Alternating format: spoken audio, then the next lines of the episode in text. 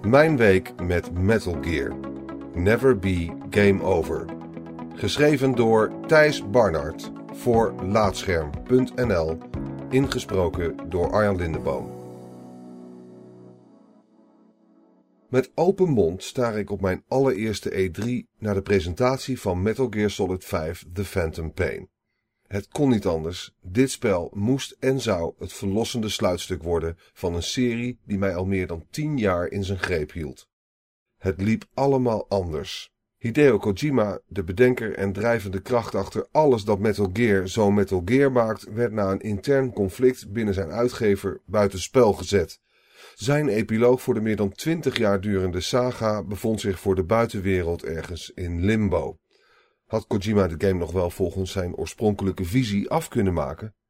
Geruchten over de bizarre werkomstandigheden tijdens de ontwikkeling suggereerden ondertussen het slechtste. In augustus van 2015 kreeg ik Metal Gear Solid 5 The Phantom Pain in mijn handen gedrukt. Een paar dagen voordat het spel in de winkel zou verschijnen was het aan mij om het van een beoordeling te voorzien. Een spel recenseren is in sommige opzichten niet bepaald de beste manier om een game te spelen.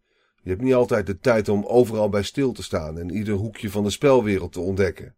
Kom je bovendien vast te zitten, dan is er geen YouTube-video of walkthrough die je verder kan helpen. Je bent volledig op jezelf aangewezen. Turn the game off. Optimaal was het niet, maar ik was bereid om de Phantom Pain op die manier te ondergaan. Ik had namelijk al wat ervaring met een Metal Gear onder extreme omstandigheden doorlopen. De reden dat ik de reeks zo'n warm hart toedraag, heeft alles te maken met de nacht dat ik Metal Gear Solid 2 Sons of Liberty uitspeelde. Waar die game in het begin vooral veel op zijn voorganger lijkt, wordt dat rond het einde ineens op zijn kop gezet. Raiden, in dit spel de vervanging van superspion Snake, wordt dan gevangen genomen door de vijand. Hij weet zonder zijn sluipoutfit en gadgets te ontsnappen, waarna je hem als speler naakt door de gangen van een geheimzinnig complex stuurt. Om de zoveel stappen rinkelt de codec waarmee je al het hele spel in contact staat met kolonel Campbell, die je traditiegetrouw van wijze raad voorziet. Maar de belletjes nemen rond dit punt in het spel een vreemde wending. Campbell is zichzelf niet, of al die tijd niet geweest. Hij slaat wartaal uit. Niet te ontcijferen boodschappen over paarse wormen, stemvorken en zijn plotselinge behoefte aan scharen. Na een paar raadselachtige telefoontjes wordt de speler ineens direct aangesproken.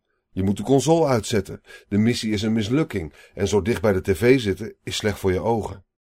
Het moet een uur of drie s'nachts geweest zijn toen Campbell het hoofdpersonage Raiden negeerde en mij, de persoon die de hele tijd in controle was, aansprak.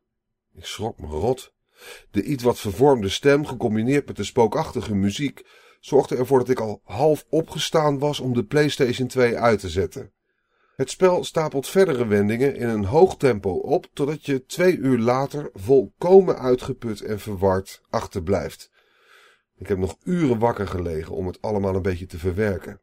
Tot op de dag van vandaag is het een van de meest bizarre wendingen en mijn favoriete gameherinnering ooit. Geen wonder dat ik jaren later nog steeds op zoek ben naar diezelfde high. Kojima Junkie. De vloer onder de voeten van de speler vandaan trekken is Hideo Kojima's specialiteit. Met ieder nieuw deel wist hij op een andere manier de juiste toon te zetten. Metal Gear Solid 5 zag er daarom niet alleen uit als een fantastische sluipgame. Ik was vooral benieuwd hoe Kojima nu weer mijn wereld op zijn kop zou zetten. Om dat te ervaren was ik meer dan bereid om mijn vrije week op te offeren. Zeven dagen lang heb ik bijna niets anders gedaan dan eten, slapen en Metal Gear Solid 5 spelen. Ik heb de ene na de andere fantastische missie gespeeld. Ik heb mijn verdwenen kameraden teruggevonden, wandelende tanks opgeblazen en samen met mijn Diamond Dogs een hele legerbasis uitgemoord. Alles op zoek naar een moment dat mijn eerdere ervaringen kon evenaren. Dat moment bleef uit.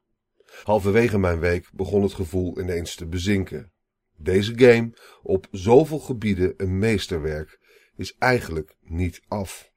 De gameplay is fenomenaal, heeft zoveel geweldige kleine details en is eindeloos herspeelbaar, maar een Metal Gear is het maar af en toe. Rouwproces. Ik speelde steeds wanhopiger verder. Er moest toch wel meer zijn? De ene fantastische missie na de andere volgde elkaar op Ik vond steeds meer creatieve en afwisselende manieren om sluipend mijn doel te halen, maar de verlossende Metal Gear twist bleef uit. De Phantom Pain probeerde het wel, maar de cruciale verhaalscènes zijn zo ver verspreid door afleidingen en opvullende missies dat het impact mist. Waar de rare wendingen in vorige delen insloegen als een bom, voelen de verrassingen hier geforceerd of onverdiend.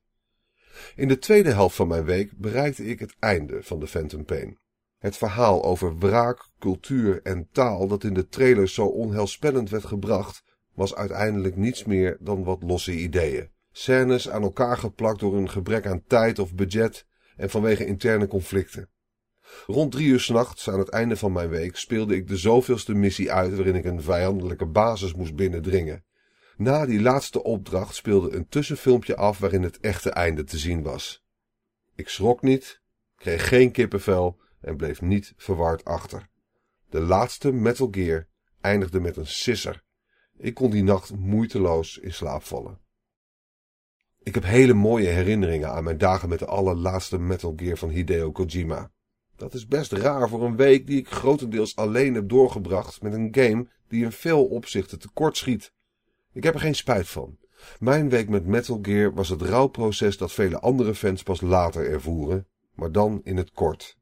De Phantom Pain doet zijn naam eer aan.